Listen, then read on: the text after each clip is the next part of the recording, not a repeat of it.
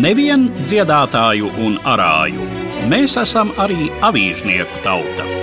Vai mūsu pirmā atmoda iedomājama bez Pēterburgas avīzēm, mūsu pirmās neatkarības desmitgades bez jaunākajām ziņām un atpūtas, mūsu neatkarības atgūšana bez laikraksta atmoda? Šogad, atzīmējot latviešu avīžniecības 200 gadi, atskatāmies uz šiem gadsimtiem raidījumu ciklā Avīžnieku tauta. Eduarda Liniņa sarunas par latviešu drukātās preses vēsturi katra mēneša priekšpēdējā ceturtdienā pēc pulksten trījiem. Labdien, cienījamie klausītāji! Mēs šodien turpinām mūsu vēstījumu par latviešu drukātās preses vēsturi. Šodien mūsu otrā saruna, kas veltīta latviešu preses attīstībai 19. gadsimta vidū, un mani sarunbiedri šodien studijā Latvijas Universitātes Sociālo zinātņu fakultātes profesore Vita Zelče. Labdien! Labdien! Un Latvijas Kultūras Akadēmijas profesors, literatūra vēsturnieks Raimons Briedis. Labdien! Tātad mēs runājam par jaunu situāciju, kas visā Krievijas impērijā iestājas pēc Krīmas kara. Krievija cieš graujošu sakāvi, parādās visa šīs valsts atpalicība, nepieciešamība reformēties, modernizēties. Tas viss, protams, ietekmē pozitīvi arī situāciju latviešu apdzīvotajās zemēs un latviešu kultūra telpā.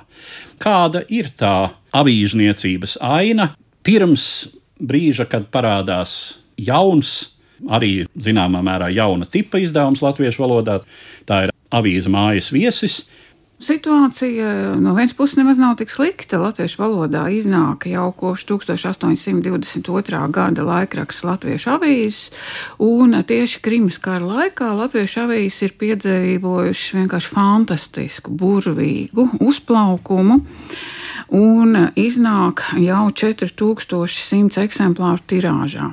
Raugoties pat visas Krievijas impērijas eh, ietvaros, tā ir fantastiska tirāža, jo manā rīcībā esošā informācija vēsta, ka pat Krievijas lielajās pilsētās, Maskavā un Sanktpēterburgā iznākošā augstākajām kārtām domātā vācu un krievu preses eh, tirāžas nu nemaz nebija lielākas, bet gan nedaudz pat zemākas. Tieši 50. gados latviešu sabiedrība piedzīvoja pirmo informatīvo sprādzienu, cilvēki lasīja kara ziņas, sāka orientēties politikā, vispār Eiropas uzbūvē, valsts savstarpējās attiecībās, arī ieguva, pateicoties preces izdevumiem, tādu emocionālo baudījumu vai gandarījumu, gan pozitīvu, bet varbūt vairāk pat negatīvu, sekojot līdzi Krievijas impērijas armijas gaitām Krimā un līdz pārdzīvojot sakāvi. Bet kopumā tas ir tāds zināms uzplaukuma laiks, kas vienlaikus ir arī norieta laiks, jo latviešu avīzes tomēr ir saturā diezgan konservatīvas, diezgan varbūt zema līmeņa izdevuma ziņu pasniegšanas veidā, bet tāpēc jau mēs arī gaidām šo jauno laikmetu un pārmaiņas arī preses laukā. Par mājas viesi, kas sāk iznākt 1856. gadā, ir zināms, ka tā ir pirmā īsti komerciālā latviešu avīze. Jā, un te man ir uzreiz jāmin tāds ļoti nozīmīgs jēdziens, kas ir saistāms ar nāciju veidošanos. Viens no nāciju veidošanās priekšnoteikumiem ir drukas kapitālisms. Print kapitalismu, kuru apritē ir ieviesis pētnieks Benedikts Andersons, un kurš uzsver to, ka nācijas top reizē ar šo drukāto vārdu, jo Tieši 19. gadsimtā visā Eiropā ir pieprasījums pēc drukātā vārda vietējās valodās. Ar šo nacionālo valodu palīdzību top nācija, bet no otras puses tā ir ļoti nozīmīga biznesa sastāvdaļa. Jo grāmatu tipogrāfijas, grāmatu izdošana, drukāšana kļūst par vienu no tādām modernākajām industrijas nozarēm, un arī Latvijas teritorijā jau 30. un 50. gados parādās jaunas tipogrāfijas, tipogrāfijas pērk jaunas ierīces. Un 50. gados ir tā lieliskā ziņa, ka vienā stundā ir iespējams nodrukāt jau 1200 eksemplārus. Tas nozīmē, ka ļoti daudzi talantīgi uzņēmēji tiecās nokļūt tieši grāmatu izdošanas biznesā. Bet tā ejošākā prece vairs nav šie elitārie izdevumi smalkās valodās, vai pieņemsim latīņu valodā, vai Latvijas kontekstā tā būtu vācu valoda, kurā runā elite, vai Krievijas kontekstā franču valoda, bet gan šīs zemo kārtu valodas. Un 50. gados jau par tādu superpreci kļūst kalendāri latviešu valodā, jo tos pērk un peļņa dažkārt ir pat desmitkārtīga. Grāmatu izdevējs Ludvigs Hārtungs, kurš ir komerciāli ieinteresēts un ir apburts, vērojot šo sasniegumus, kāda ir latviešu avīzēm un kā kāp tirāža, jau 1855. gadā sāka organizēt jaunu laikrakstu izdošanu Rīgā. Un 55. gada beigās raksta dažne dažādus iesniegumus Krievijas varas iestādēm, lai tiktu pie jaunu laikrakstu izdošanas atļaujas. Notiek tādā latviešu mēdī vēsturē arī super notikums 1856 gada 15. janvārī pats jaunais Krievijas ķēzars Aleksandrs II paraksta atļauju izdot laikrakstu mājas viesis. Parasti šīs izdošanas atļaujas tomēr parakstīja ministru līmenī, bet tā kā preses reforma ir tikko uzņēmusi savus apgriezienus, mājas viesim tā laime tika pie cara paraksta. Līdz pat 20. gadsimta sākumā mājas viesis savā pašreklāmā izmanto to un liek savā galviņā to vēstījumu paša ķēzera atļauts laikraksts. Cilvēki, kuri ir gatavi šo pieprasījumu pēc šīs preses vienkāršo ļaužu valodā nodrošināt. Kas tad ir tie cilvēki mājas viesa komandā? Literatūras vēsturē, protams, ar mājas viesu saistās Anna Šleitāna vārds, kurš pat iemiesot tā laika rakstītāju, gan sociālo statusu, gan to, ko viņš domā, kam būtu avīzēs jābūt. Ja mēs domājam gan par Leitānu, gan par Dinsberģi vai par Līventālu, tad mēs varam ieraudzīt, ka tie ir tie, kuri izmantoja vārdu savā ikdienā. Leitāns ir skrīveris, kurš apkalpo līdztekus avīzē arī apkārtnes Rīgas pagasts. Tur droši vien, kur viņš pelnīja naudu vairāk nekā avīzē. Tur ir skolotāji, tur ir skrīveri, tur ir pērminderi, kuri piepilda avīzi ar to, kas viņam šķiet tajā brīdī būtisks. Manuprāt, mājas viešu sakarā ir ārkārtīgi būtiska līdztekus šiem, kuri ir ieguvuši izglītību pašmācības ceļā, parādās tie, kuri tikko beiguši gimnāzijas. Būtībā šo pērminderu dēli vai skrīveru dēli vai dzirnavnieku dēli, kuri iegūst izglītību gimnājās, pēc tam nonāk augstskolās, un kuri, manuprāt, jūt, ka viņiem pietrūkst vides, kurā darboties. Un tā kā viņiem visiem vēl jau ilgu laiku ir liela izvēle, teiksim, pāriet citā kultūrā, tad pāriet vācu valodā un darboties tā laika augstajā kultūrā, tad viņi atrod šo vidi no vienas puses, lai e, izglītotu savus tēvus, brāļus un, un pārējos, un tā pašā laikā, lai viņi radītu jaunu vidi, kādēļ viņi pievērš uzmanību, manuprāt, valodai un mēģina pierādīt to, ka latviešu valodā, ko viņi arī uzsver, ka latviešu valodā var izteikt tieši to pašu, ko var izteikt citās valodās. No šīs eh, pirmās Tērbats Universitātes studentu komandas, kas piedalās laikraksta satura veidošanā, tiešām ir tā, kā jūs sakat, kā daļa, man jāsaka, gan viens, tāda Jānis Vilhelms Zakaranovičs, kurš arī raksta eh, mājas viesim, ir tas, kurš pāriet vācu kultūrā, bet paliek abi alunāni, Juris un Indriķis, Krišāns Barons un, un Krišāns Valdemārs, kurš varbūt tā kā sēž uz daudziem krāsliem, bet no latviešu kultūra telpas neiziet. Sākotnēji mājas viesa komandā darbojās visi tie, kurus mēs pazīstam ar apzīmējumu jaunlatvieši. Tātad jauni ļaudis ar izteikti nacionālu apziņu. Tad, kad tas, ko sāk publicēt mājas viesis, piesaukto brāļu Alunānu, Krišjāņa Barona, Krišjāņa Valdemāra, Kaspars Biesbārdis tur jau darbojas, Jēkabs Zvaigznīte, viņu izpildījumā tas, protams, izsauc satraukumu un nepatiku vācu garīdznieku vidē, ir zināma pretreakcija, un šie aktīvākie, dusmīgākie jaunie latvieši no turienes aiziet, un tie, kas paliek, tos, tad, kad es mācījos augstskolā, pilnīgi noteikti dēvēja par veclatviešiem, paliek tie, kuri tomēr ir gatavi kompromisam ar latviešu lietās ieinteresētajiem vāciešiem. Man vienmēr gribās teikt, ka tas kompromiss ir relatīvs, un arī e, šis jūra alunāna dzējols, čuči, mājas vietas čuči, kuri visi mācījušies skolā, ir emocionālo, varbūt uzplūdu radies teksts, bet e, vienmēr es esmu ar ambrīnu lasījis Anša Leitāna tekstus, it īpaši šos ziņu tekstus, jo tie ir daudz labāki nekā Rudolfam Šulcam paralēli latviešu avīzēs, un man būtu šobrīd jāsaka tā, ka latviešu ziņu žurnālistiku patiešām tiešām ir nodibinājis Ansis Leitāns. Viņš izveido to stilu, ka ziņa ir konkrēta, salīdzinoši īsa, bez jebkādiem komentāriem, un šādā veidā latviešu prese turpina darboties līdz uh, 1940. gadam. Un iedibina to tradīciju, kas ir ļoti spēcīga 19. gadsimta beigās, 20. gadsimta sākumā, ka preses izdevumi konkurē ar ziņām. No pagātnes preses lapusēm. 1865. gada 26. aprīlī laikrakstā Mājas viesis lasāms no Amerikas.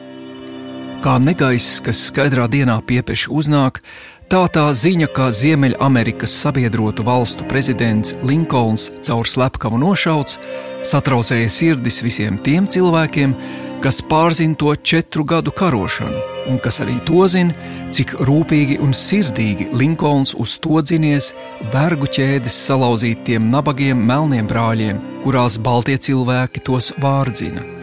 Visi Eiropas valdnieki Linkolnu gauži nožēlo un žēlošanas rakstus nosūta viņu sūtītiem ministeriem, lai tos sūta uz Ameriku.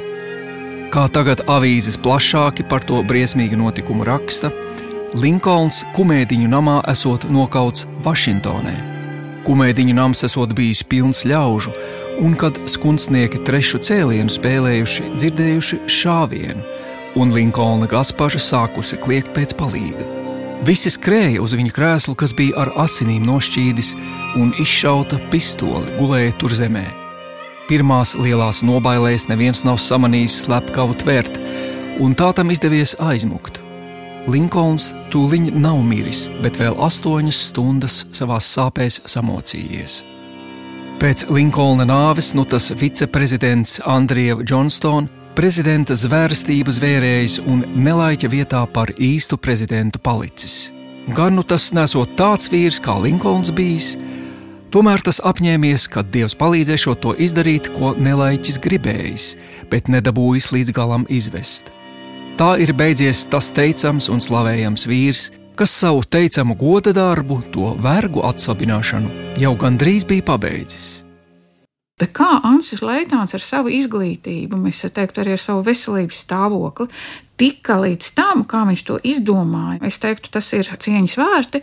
Lielais konflikts ar Vācu baltiešu aprindām notiek 1860. un 61. gadā, pateicoties Indriča Alunāna tādam zobgalīgam rakstam pār lauzītu latviešu valodu, un tad Ansi Leitānu soda, proti viņu izslēdz no latviešu draugu biedrības, bet jāņem vērā, ka Anslim Leitānam jau ir pār 40 gadiem. Saku vēlreiz, es viņu apbrīnoju, kā viņš ar savu veselības stāvokli, viņam noteikti sāpēja mugura nepārtraukti, kā viņš varēja nosēdēt pie saviem rakstām galdiem, lai varētu tikt eh, galā ar šiem tekstiem. Un es arī viņu cienu, tāpēc, ka viņam noteikti visu šo dzīves posmu vajadzēja cīnīties ar bailēm. Un uzdrošināties iet tādus vai citādus eh, solīšus uz priekšu. Un vairāk, protams, šis ir tāds paudžu konflikts starp eh, jaunlatviešiem un tiem, kuriem jau ir pāri 40. Un, protams, ka tāda jaunības drosme un uzdrīkstēšanās, un, protams, šīs milzīgās cerības, kas saistās ar Krievijas reformu, jo jāatcerās 1861. gads visam Eiropas mērogam, milzīgā reforma Krievijā tiek atcelt dzimbūšana. Jā, tieši par paudzēm. Man pat šeit tiešām parādās paudžu lieta, kur katra nākošā paudze izmantoja tos likumu jauninājumus, reformas, ka viņi izmanto tās iespējas, kādas ir, un arī droši vien bailes, kādas kuru reiz parādās. Un katra no paudzēm atšķirās ar kaut kādu veidu piekļuvi jaunai pasaulē. Un es domāju, ka šī jaunatīša paudze ir tiešām tā, kur saskarās ar augstāko izglītību, tātad akadēmisku izglītību. Man Pēterburgas avīzēs vairāk pārsteidz kas, es domāju, varbūt tajā laikā ir pietiekuši tradicionāli avīzes, tās jau pozicionēs, bet viņi visu laiku lietos vārdu mēs. Mēs mēģināsim un redzēsim, kas iznāks, darīsim, cik varēsim. Manuprāt, lasītājs lielā mērā patīcis arī tam, ka rakstiem ir ļoti maz konkrēto parakstu. Viņi uztver šīs avīzes kā tādu vienotu eh, mēs izpaudumu. Un šī mēs patiesība jau būtībā skatās uz tām pašām lietām, par kurām rakstīja iepriekš avīzes. Ja mēs domājam, tā būs pasaule, Krievija, vietējās ziņas, dažāda veida šie pamācības materiāli, bet, manuprāt, Pēterburgas avīzēs parādās šī attieksmes maiņa kurā viņi jau savādāk runā ar lasītāju. Un, ja sākotnēji, manuprāt, 19. gadsimta sākumā cilvēkiem mācīja lasīt, tad Pēterburgas avīzes lielā mērā mācīja rakstīt. Tas ir rakstīt un sazināties vienam ar otru. Pie viena tas ir arī valodas kopšana. Un vienlaikus tā ir tāda pretējo domu, tā polemika, kas izveidojas, manuprāt, tādā brīdī, kad pastāv trīs vienlaikus avīzes, kuras savstarpēji viena ar otru arī cīnās. Jā, konkurē konkurē. Jā, jā. jā, un es domāju, ka tā konkurence arī šai jaunai paudzei ir ārkārtīgi būtiska. Es arī paturpinātu domu par mēs, jo šeit tas mēs ir pat lielāks un, un spēcīgāks. Jo Pēterburgas avīžu mēs nav tikai tie rakstītāji, bet arī atbalstītāji. Pēterburgas avīžu starta kapitālu veido tas, ko mūsdienās dēvē par pūļu finansējumu. Proti, Pēterburgā pie jaunas bagātības tikušie jauni biznesmeņi samet naudu Pēterburgas avīzēm ir sava auditorija, un tīri tādā baiļu fenomena ziņā tā ir tā auditorija, kur vispār uzdrošinās šo laikrakstu abonēt, pasūtīt un iegādāties, jo arī šai auditorijai ir kontrole. Tas skolotājs, kurš šo laikrakstu abonē, viņš ļoti riskē zaudēt savu darba vietu un, un ļoti bieži arī to zaudē. Es vēl piebilstu par tehnoloģijām. Tā jaunā paudze ir arī saistīta ar savām jaunajām tehnoloģijām, kas arī kaut kādā mērā sasaucās ar šīs dienas laikmetu, jo 1855. gadā, 55. 56. gads sāk darboties telegrāfa līnija Rīga Daugopils, kas Rīgu ieslēdz kopējā Eiropas telegrāfa apritē. 1861. gads Rīga Daugopils dzelzceļš. Tas nozīmē šausmīgi lielu ātrumu, ar kādu jau cilvēks var Rīgā 25 stundu laikā. Tie ir super ātrumi savam laikam, gan informācijas ātrums, gan tam līdzīgi. Tāpēc es teiktu, ka tā laika paudze viņam bija aizrauta gan ar tām reformām, ko piedāvāja Krievijas impērija, gan arī ar modernām tehnoloģijām. Pēterburgas avīze iznāk tajā laikā, kad nojauc Rīgas vaļņus. Un apkārt Rīgai parādās ļoti liels brīvs laukums, kurš ir apbūvējams, kurā latviešiem vēlāk būs arī sava vieta. Un tad viņi visu savu jaunību ir staigājuši cauri vaļņiem, tajās dažās neskaidrajās fotografijās, kuras mēs esam redzējuši. Un redzējuši tiešām tādu viduslaiku pilsētu. Jā, Lietānam bija dzīvoklīts vai istaba ar skatu uz Daugavas tirgu. Jā, tur ir tehniskā Rīgas tehniskā mm, universitāte. Tad viņš tur varēja skatīties uz Daugavu, un tur tie jaunie literāti gāja un centās iegūt Leitāna atzinību. Pēterburgas avīzes iznāk, kā liecina nosaukums Pēterburgā, un sākotnēji iziet cauri Valdemāra plāns kļūt pat par šīs avīzes cenzoru kas šķiet teju neticami. Nu, tas ir vienkārši fantastiska kombinācija, jo to, ko par Valdemāru vēlāk saka, ka Valdemāram bija viltīgs prāts. Kā to vispār dabūt gatavu? Vienlaiks būt laikraksta izdevējam, vienlaiks laikraksta cenzoram un savu skolas biedru draugu ielikt par laikraksta redaktoru. Un principā dažus mēnešus būt Krievijas impērijā visbrīvākajam laikrakstam. Dažus mēnešus pēc tam attopas atkal jau vietējā Baltijas vāciešu publika, tiek uzrakstīts, kur vajag, un pārceļ cenzēšanu uz uh, Rīgu uz gubernatoru kancelēju, nu, un tur jau pavisam citi cilvēki ar to nodarbojas. Līdz ar to ir jāsāk vairāk rēķināties ar ierobežojumiem, lai gan, nu, protams, salīdzinot ar mājas viesi Pēterburgas avīzes uh, šos trīs gadus, kurus tās iznāk, ir brīvs, drosmīgs, ass izdevums, kurš tēmē jau ļoti konkrētu satīru pret uh, vācu baltiešu aprindām. Tur parādās pat konkrēti satīriski tēli. Bīze, Bizmanis, tātad Bīze kā 18. gadsimta gardrobes piedarums, atpakaļ rāpulības simbols. Galu galā izdodas Pēterburgas avīzes pēc dažiem gadiem, kā saka, nožmiegt, Šķiet, ka tur tas noteicošais faktors ir, ka pret tiem, kuri abonē, tiek vērsts zināms sociāls politisks spiediens. Tas un arī spiediens pret eh, šiem jaunajiem latviešiem, protams, pret Valdemāru, kuram veidojās Krievijas impērijas birokrātiskajā aparātā diezgan sekmīga karjera. Bet man vienmēr ir pārsteidzis tekstiņš, tāds viens koncentrēts teksts profesora Maksima Duhānova grāmatā, kur tiek uzskaitīti fakti, kā notiek cīņa pret Pēterburgas avīzēm kā mācbaltiešu privileģētās aprindas, izmantojot dažādus sakarus galmā un ierēdniecībā, dodās sūdzēties par to, ka latviešu valodā iznāk laikraksts Pēterburgas avīzes. Iedomājieties pie carienes pie ministra par mazu latviešu laikrakstiņu, kas iznāk reizi nedēļā. Man liekas, ka tas ir neticami, ka par šo laikrakstu runā Krievijas impērijas galmā un runā par tiem cilvēkiem, kas attiecīgi šo laikrakstu izdod kas man šķiet uzkrītoši, lasot šos tieši jaunatviešu tekstus un noliekot tos blakus. Nu, es atļaušos lietot šo apzīmējumu, ja jau tas mums te ir izskanējis. Veclatviešu tekstiem ir jūtams tāds azarts. Tas arī tīri valodiskajā izteiksmē parādās šī mērķtiecīgāka, vairāk ar gan individuālo, gan arī sociālas un nacionālas grupas gribu piepildīta izteiksme. No pagātnes preses lapusēm. 1862. gada 27. septembrī Pēterburgas avīzēs publicēts Jūra Alunāna raksts Kapitāls. Kapitāls, jeb šo pasaules valdnieks būdams, nebūtu nav lepns vīrs, Pie katra algāģa, pie katra darba vīra viņš labprāt piebiedrojas, ja tik viņu cietsirdīgi neatstumj nost, jo šis varens vīrs ir no prasta dzimuma. Viņa tēvs ir darbs, un viņa māte ir rūpe. Visi tie augļi, ko mēs no saviem pūliņiem ar to ziņu sakrājamies, lai viņi mums palīdz citus augļus iegādāt, ir kapitāls.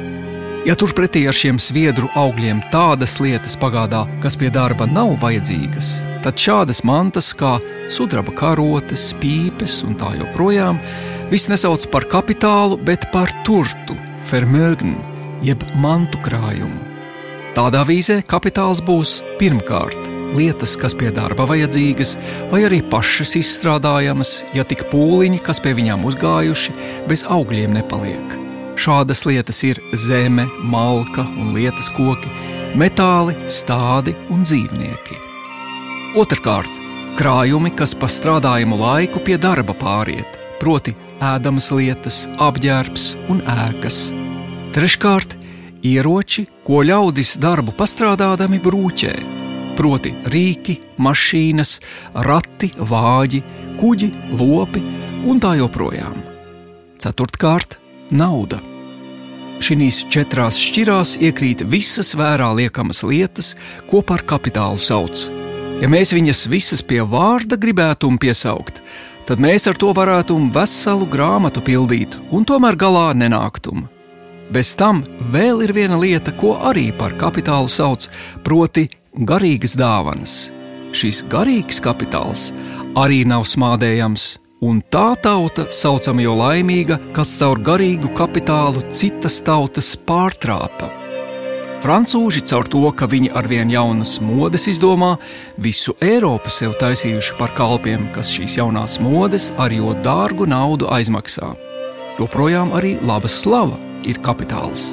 Krodzinieki, kopmaņi, prečotāji un avīžu apgādātāji to it labi sajūt. Jā, bet valoda jau visu laiku veido prese. Protams, Leitāna valoda ir super laba pret Rudolfa Šulca valodu. Tad es teiktu, Alunāns sāk rakstīt labāk nekā Leitāns un tā uz priekšu izteiksmes ziņā. Jo, protams, mēdījiem, laikrakstam, kas aptver noteiktu teritoriju, ir ļoti būtiska nozīme nācijas formēšanā. Un es vēlreiz pieminētu Benediktu Andersonu un šo viņa izteicienu vai terminu iztēlotā kopiena. Laikraksti ir tie, kas veido nāciju vispirmām kārtām kā iztēloto kopienu un ļauj satikties cilvēkiem, kuri nekad paši dzīvē nav satikušies, bet pateicoties laikrakstam, pateicoties tām, ka viņi lasa vienas un tās pašas ziņas, vienas un tos pašus stāstus, dzīvolī, lasījušus, viņi visi ir kopā un dzīvo šajā iztēlotajā kopienā. Latvijas gadījumam tas ir ļoti svarīgi, jo Latvijā jau nav robežu. Latvijas robežas top tikai pēc Latvijas valsts izveidošanās. Šajā pirmajā kopienā, arī Pēterburgas avīžu kopienā, latgalieši neieslēdzās, diemžēl. Nu, šur tur Pēterburgas avīzes, protams, aptvēra latvieši, kas bija ārpus eh, Latvijas, piemēram, Pēterburgā, Maskavā, tātad pirmās šīs, eh, teiksim, diasporas aiz etniskajām robežām. Bet latvieši ir Pēterburgas avīzēs. Ir viens raksts par latviešiem. Jā, bet latvieši neabonē. Ir tas, ka Valdemārs pats piedāvā, ka varētu priekšlatgaliešiem radīt speciālu izdevumu. Tāds fakts arī ir, bet mm. tur viņš nedabū atļauju. Zināmā mērā atkārtojas tas stāsts, ko mēs piesaucām mūsu pagājušajā raidījumā, runājot par latviešu avīzēm un to latviešu ļaužu draugu, ka, teiksim, viens ir izdevums ar lielākām ambīcijām, lielāku uzdrīkstēšanos, kas uzliesmo un ļoti ātri apdziest, un šajā gadījumā tās ir Pēterburgas avīzes. Savukārt mājas viesis turpina pastāvēt, iznākt līdz pat 1910. gadam, un nekādi nevar teikt, ka tā būtu veģetēšana. Tā ir ļoti nozīmīga darbība, un, ja mēs skatāmies uz tiem vārdiem, kas vēlāk parādās mājas viesu lapusēs, tad tur ir Aspazīte, tur ir Rudolfs Blaumanis, Jānis Poruks, Teodors Zēferts, Ko mēs varam teikt par to? Es domāju, ka mājas viesis vienkārši piedzīvo dažādus laikmetus savā dzīvē. Es domāju, ka tajā brīdī, kad viņš vēlāk veidos to kontrastu, teiksim, Baltijas vēstnesim, un vēlāk, kad jau parādīsies plātes dēls, kurš ir jau atkal nākošā paudze, kurš veidos jau modernu izdevumu. Un tad es domāju, tur, kur mājas viesim 90. gados pievienojas mājas mēneša raksts, tur viņš kļūst par ārkārtīgi būtisku vidi vai platformu, kurā top moderna latviešu literatūra. Un tieši tur pretstatā atkal austrumam maisviesis veido atsauc uz lielajiem klasiskiem darbiem, uz sava laika ne tikai krievu vācu literatūru, plus viņi kļūst par pirmajiem, kuri iesaista redakcijā ļoti plašu autoru loku. Šie jaunie autori veido to, kas tiešām būs jau modernā latviešu literatūra. Jā, bet, bet tā ir arī konkurence. Šiem uzņēmumiem ir jāpelna. Tāpēc šī Rīgas konkurence latviešu mēdīņu laukā mm -hmm. starp Plātes un Bernhards Dīričs mm -hmm. un mhm. biedri ir ārkārtīgi būtiska. Tas ir tāds dzinulis, lai arī augtu kvalitāte un ienāktu jauni cilvēki Man vienmēr šķiet būtisks tas mājas viešu mēneša rakstu vāks, kuras pirmajos izdevumus ir tā mazā Latvijas meitenīte, kas ar mazo papīrīti ieradusies pie Atēnas ciemos, kur apkārt ir viss mākslas. Un pēc tam, pēc gadsimta mīs, tā ir sieviete, kura tieši tādā pašā formātā rokā atvērtu grāmatu, bauda to Un aiz viņas vairs nav Atēna, bet ir visas mākslas lietas, kas iestrādātas, manuprāt, Ābelē. Nu, bet paskatieties, viņiem arī tas otrā vāka autors ir Rozentāls. Jā, tā tad dabūt labākos. Tur arī par to pirmo vāku saka Hermīna, Hermīna Zālīta organizēja, jā. lai būtu moderns vāks. Rezumējot to, ko mēs šodien runājām par šiem diviem nozīmīgajiem izdevumiem, kā jūs definētu to būtisko mantojumu, ko šis laikmets atstāja latviešu drukātajai presei. Krišāņa Valdemāra vārdu, kas dots ielai, kur kādreiz sauc par Nikolai ielu.